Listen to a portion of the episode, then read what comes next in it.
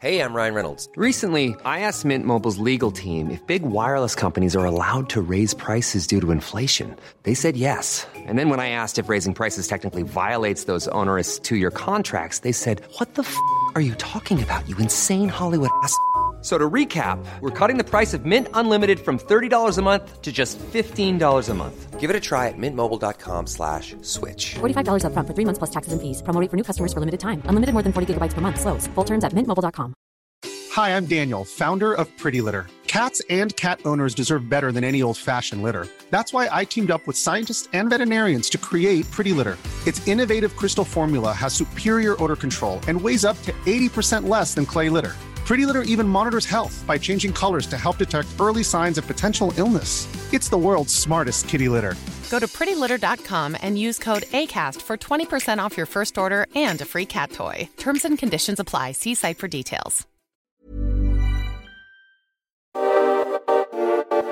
Du lyssnar på Brobacke Podcast. Varje vecka kommer jag ge min marknadssyn med fokus på pris, sentiment och makro. Välkomna! Så där, då var det dags för avsnitt 59 av Brobacke Podcast. Idag så kommer jag att vara själv i podden och ge en uppdatering på marknaden. Det har hänt otroligt mycket eh, de senaste veckorna. Ett utmanande år kan vi ju minst sagt säga för de flesta tillgångarna och förvaltningsstrategierna. Men jag tycker ändå att det är värt att lägga ett par extra minuter idag på den utvecklingen vi bara sett de senaste veckorna. Så idag får ni äran att lyssna på mig helt själv. Välkomna! De två kanske absolut värsta tänkbara sakerna vi kan se för risktillgångar, det vill säga en stigande dollar och en fortsatt snabb ränteuppgång. Eh, det har vi sett här i september.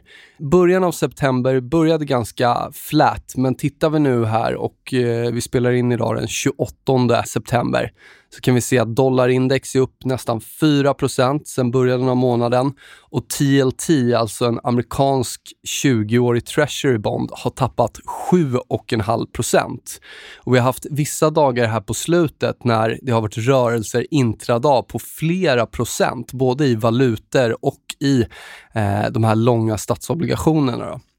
Och varför blir det här en så extrem våt filt mot risktillgångar? Jo, det har ju att göra med att det här är tillgångar som historiskt, om vi börjar med räntesidan, eh, har ansetts vara safe havens. Och i det liksom långsiktiga lågränteklimatet vi har haft de senaste 15 åren så har större delen av alla förvaltningsprodukter där ute byggt på att räntor kommer vara fortsatt låga. När du får de här snabba ränteuppgångarna och obligationerna då tappar eh, extremt snabbt i värde, eh, då slår det extremt hårt mot risktillgångar. Eh, stora institutionella förvaltare, när de förlorar pengar på obligationssidan, eh, då måste de dra ner riskerna på andra ben. De måste sälja aktier, de måste minska sin volatilitet. Så de drar ner risk på allting vad risktillgångar heter. Då. Och så på det, som om det inte räckte med den här liksom, obligationschocken, så har vi en stigande dollar. Eh, vilket också har varit faktiskt den enda safe haven i år som har fungerat.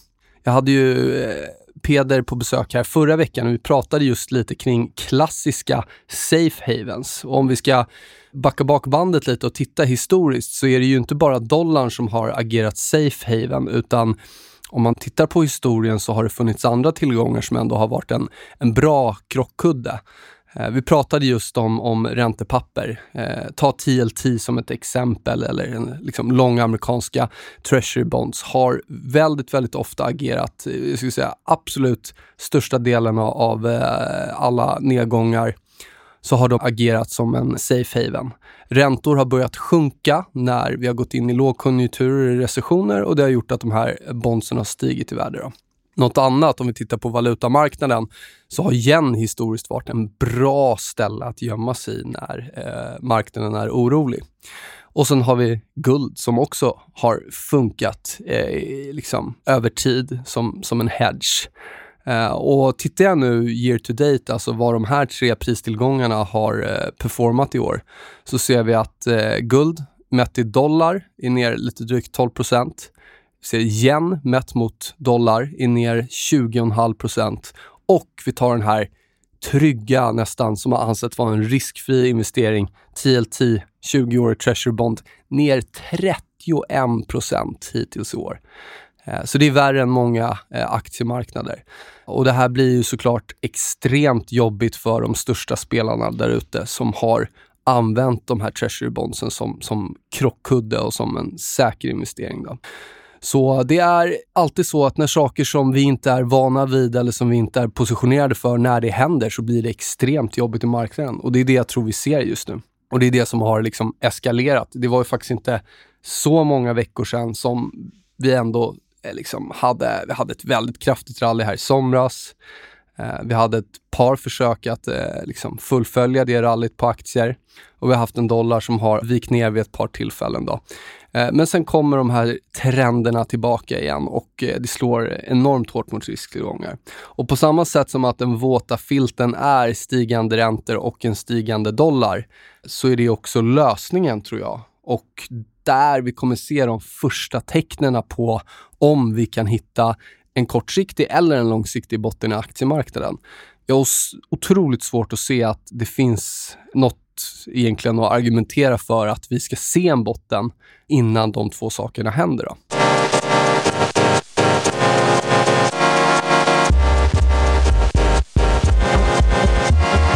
Om vi fortsätter på räntemarknaden och tittar på lite mer vad säger, riskiga eh, räntepapper jämfört med eh, statsobligationer, i alla fall historiskt, det vill säga de som ska gilda lite mer. Då kan vi först ha High Yield, HYG, i USA, som eh, är egentligen junk bonds eller företagsobligationer. Och där kan vi se att vi har brutit ner mot nya lägsta. Vi tog ut egentligen den här botten från i somras, från i, från i juni, tog vi ut förra veckan. Så där handlas vi till nya lägsta nivåer och vi får gå tillbaka till eh, egentligen kraschen under covid. Vi är inte nere vid botten ännu, eh, det vill säga djupaste botten.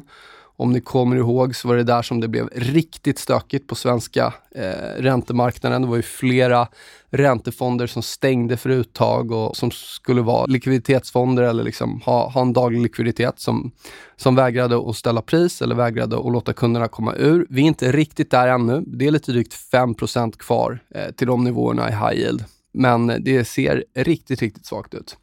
Och något som kanske är ännu mer oroande så är ju om vi tar LQD, alltså investment grade bond, som ska gilda lite mindre än high yield och vara lite säkrare. De har gjort nya lägsta, även om man tittar på covid. Så där har vi faktiskt brutit det ner under liksom nivåer vi inte sett på många år. Vi har fortfarande utrymme eh, ner mot finanskrisnivåer. Så, långt har vi inte kommit ännu, men det, vi kan ju inte riktigt eh, tolka det som att det är ett styrketecken att investment grade-marknaden i USA nu handlas lägre än vad det gjorde i covid-kraschen. Då. Eh, så det, det, är två andra ganska oroande tecken från räntemarknaden. Och ska vi hålla oss och blicka in på Europa så kan vi ta tyska tioåringen och se att den gör nya högsta nu i princip varje vecka. Eh, vi fick ett återtest där vid lite drygt 1% men har eh, gått fortsatt e-, egentligen ganska spikrakt uppåt nu och är väl uppe på 2,3% här. Så vi får gå tillbaka. Det här är nivåer vi inte har sett sen, eh, sen efter finanskrisen, då, 2010-2011 där någon gång. Så räntemarknaden har väldigt, väldigt ont just nu. Den blöder på många håll och det syns kanske inte lika mycket som man trodde att det skulle göra om man tittar på svenska räntefonder.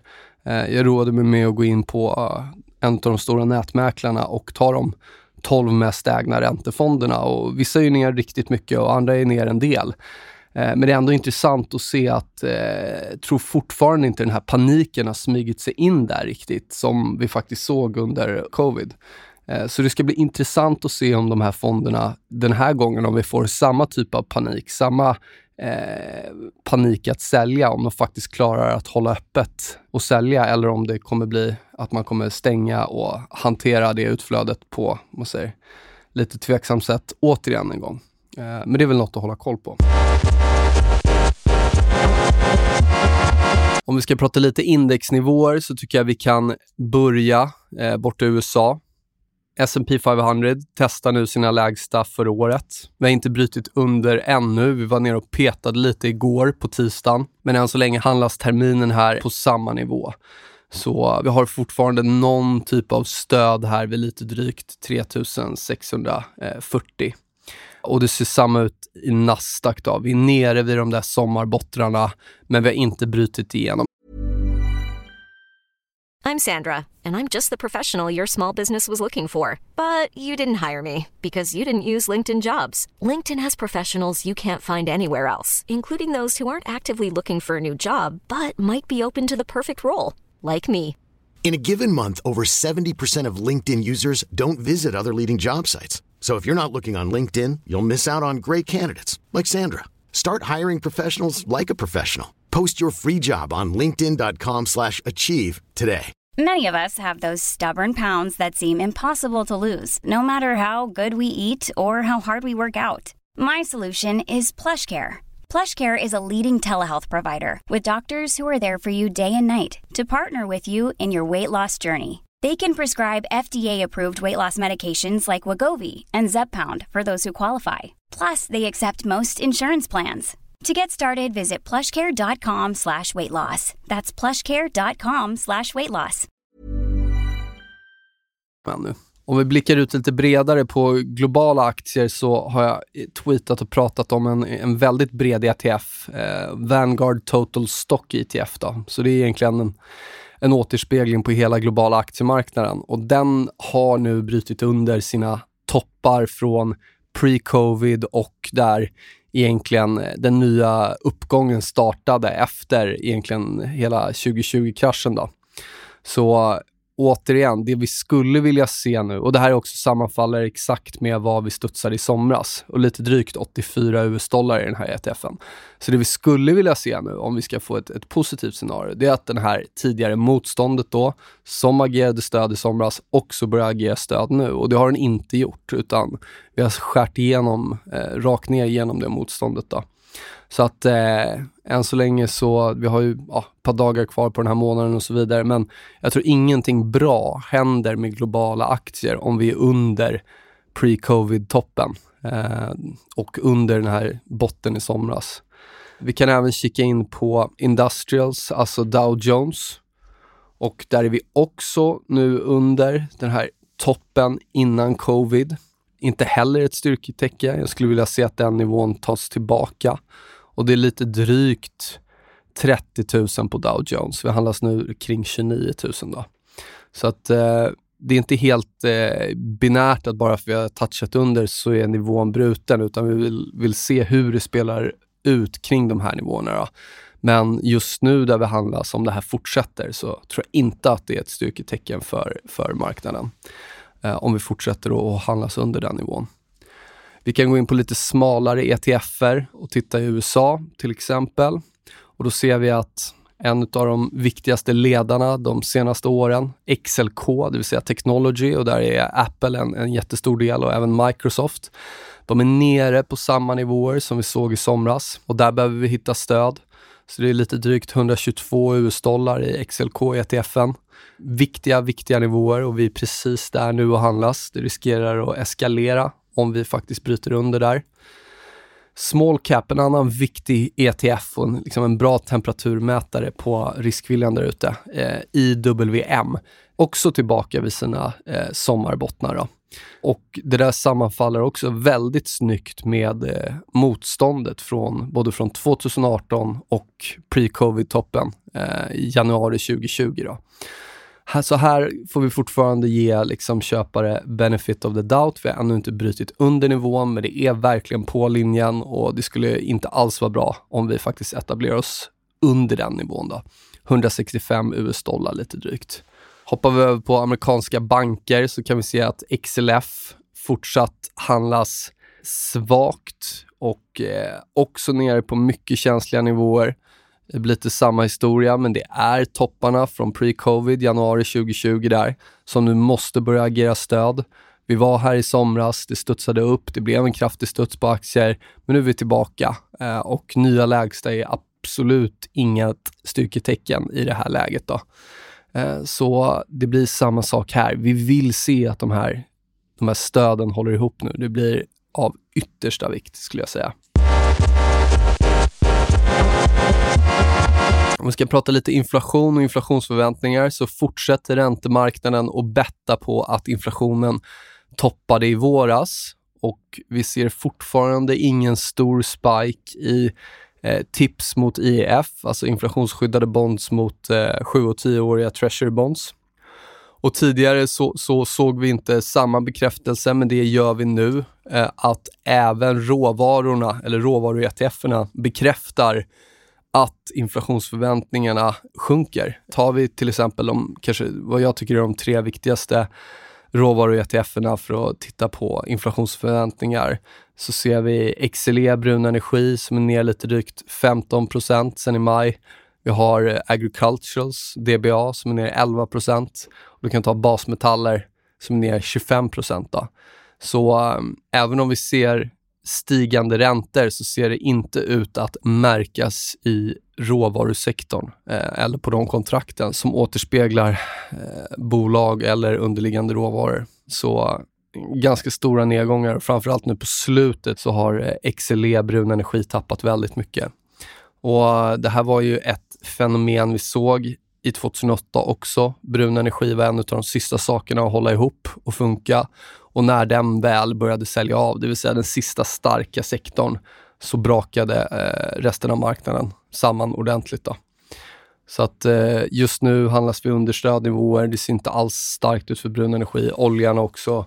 Själva råoljan har ju handlats ner betydligt eh, svagare än vad själva energisektorn har gjort. Då. Tittar vi på crude brand så är det väldigt drygt 85 US-dollar som jag sitter och tittar på som skulle vara då stödet. Eh, det var toppen hösten 2018 och det var en topp i eh, oktober 2021. Och nu har vi börjat att studsa där. Eh, så det, är väl, det är väl den nivån jag skulle vilja se håller ihop. då. Det var ett motstånd som faktiskt var intakt från 2014 fram till 2021. Då. Och det var när vi bröt över den nivån i, i början, i januari i år. Det var då egentligen vi fick den här enorma spiken upp i eh, crude. Från 85 dollar upp till 140 dollar som högsta i, eh, i mars. Om vi kollar på index igen, Hongkong, HSI, har eh, verkligen tappat på slutet. Kina generellt har varit svagt, men nu är vi nere vid topparna från år 2000 då, som nu förhoppningsvis, eller måste börja agera stöd väl lite drygt eh, 17 000 i det kontraktet, då, HSI. Eh, så att eh, Kina har inte alls hållit ihop bra på slutet och är nere på samma nivåer som vi var för 22 år sedan. Så den håller jag också superkoll på, som behöver börja agera stöd.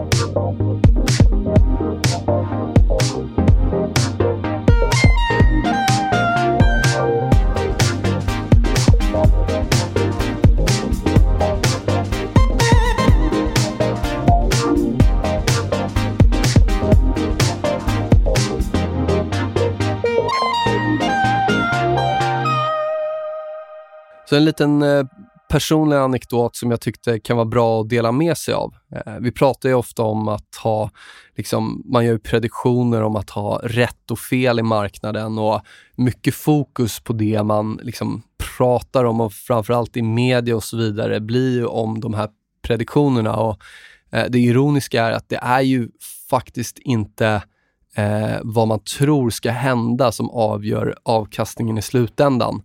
Eh, några av de man säger, världens största fondkategorier, det vill säga trendföljande fonder, de har de facto en hitrate som är lägre än hälften av gångerna. Jag tror en, eh, en, en, klassisk eh, trendföljare eh, har väl kanske, gör väl rätt tre eller fyra gånger av tio. Och, och, det är ju ett snitt, så den kan också ha perioder när den gör väldigt, väldigt, väldigt många fel.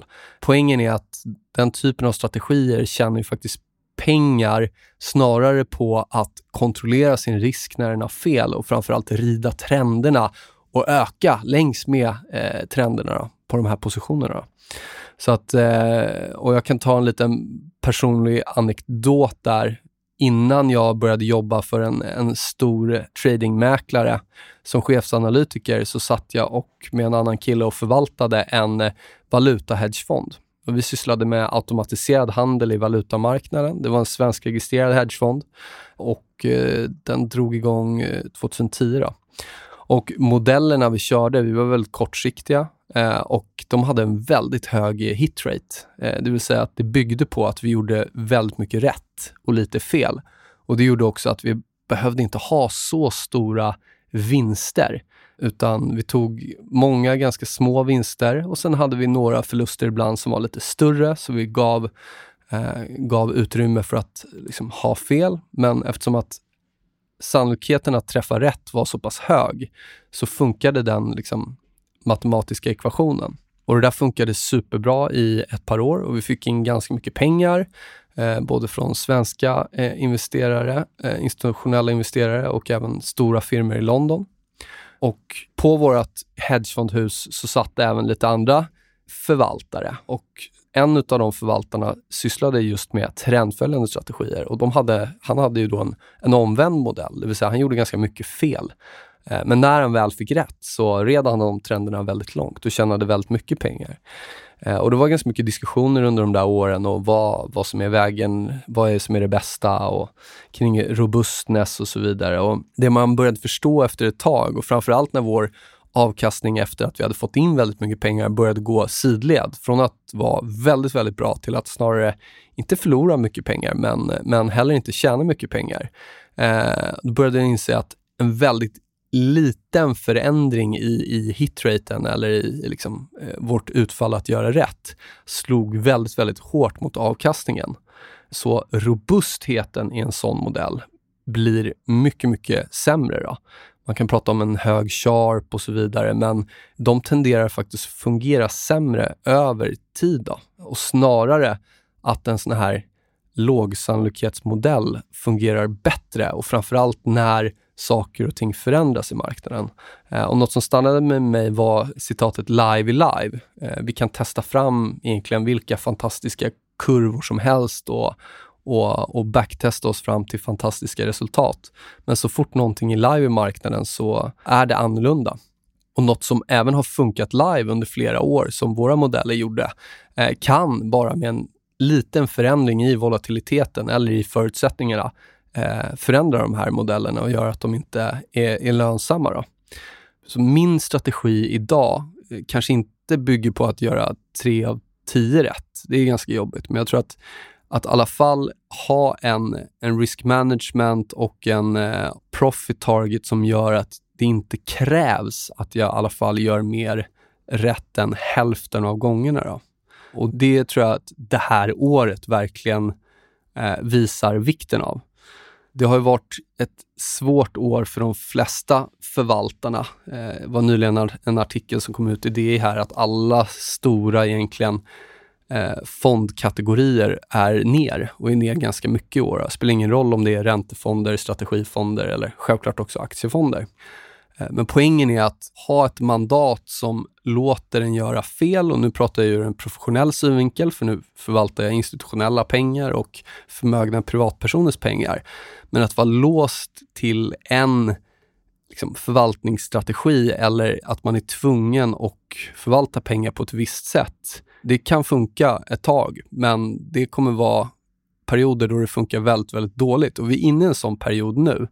Eh, vi vet inte hur länge den kommer fortsätta, men om inte räntor slutar gå upp och om inte vi ser det här fortsatta trycket nedåt på risktillgångar så kommer vanliga aktie och räntefonder inte kunna tjäna pengar. De har inte ens ett val. Det finns inte ens i förvaltningsmandaten att göra någonting annat än att vara lång aktier och lång räntor. Då. Och på samma sätt som att vi kan ha en vy om en pristillgång att den ska någonstans, så är det också liksom pris och följa prisdata tror jag det bästa sättet att identifiera var vi har fel och var vi faktiskt kan ändra uppfattning. Ett bra exempel är ju egentligen perioden nu då, eh, tillbaka från i somras fram tills nu. Eh, som bekant så låg jag tidigare ganska tungt i aktier sen i somras. Eh, och jag tycker mycket av liksom förutsättningarna för en stor studs fanns där. Eh, vi hade rekordlåg sentiment. Vi hade institutioner och professionella förvaltare som hade väldigt låg aktieandel. Vi såg att dollarn började ta en paus från den här starka trenden uppåt. Vi såg att räntor lugnade ner sig eh, och vi såg att viktigare tidigare toppar nu började agera stöd. Då. Det vill säga de här nivåerna som vi pratade om tidigare i avsnittet.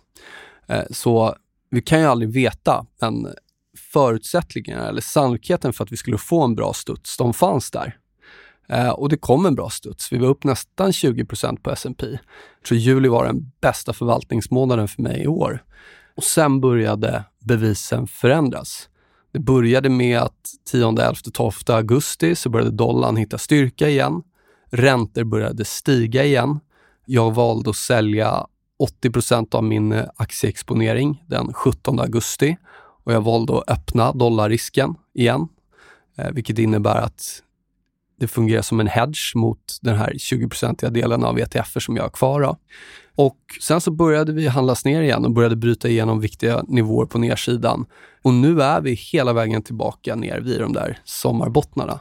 Och nu är vi åter här igen i ett läge där många omvärldsfaktorer och många, liksom, om vi tittar på förutsättningar för att det skulle kunna bli en bra studs, de finns där. Men priset måste vara det som avgör i slutändan hur vi agerar.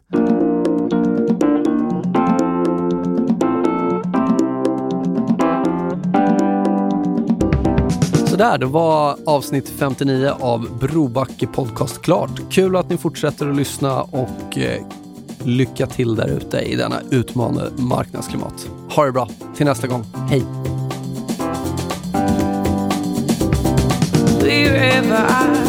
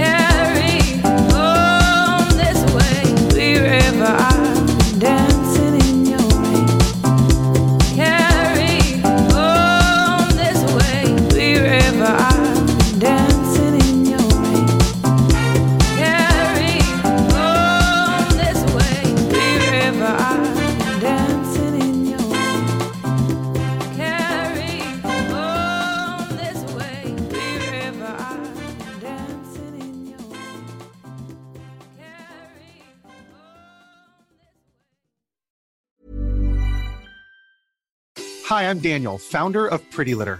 Cats and cat owners deserve better than any old fashioned litter. That's why I teamed up with scientists and veterinarians to create Pretty Litter. Its innovative crystal formula has superior odor control and weighs up to 80% less than clay litter. Pretty Litter even monitors health by changing colors to help detect early signs of potential illness. It's the world's smartest kitty litter. Go to prettylitter.com and use code ACAST for 20% off your first order and a free cat toy. Terms and conditions apply. See site for details.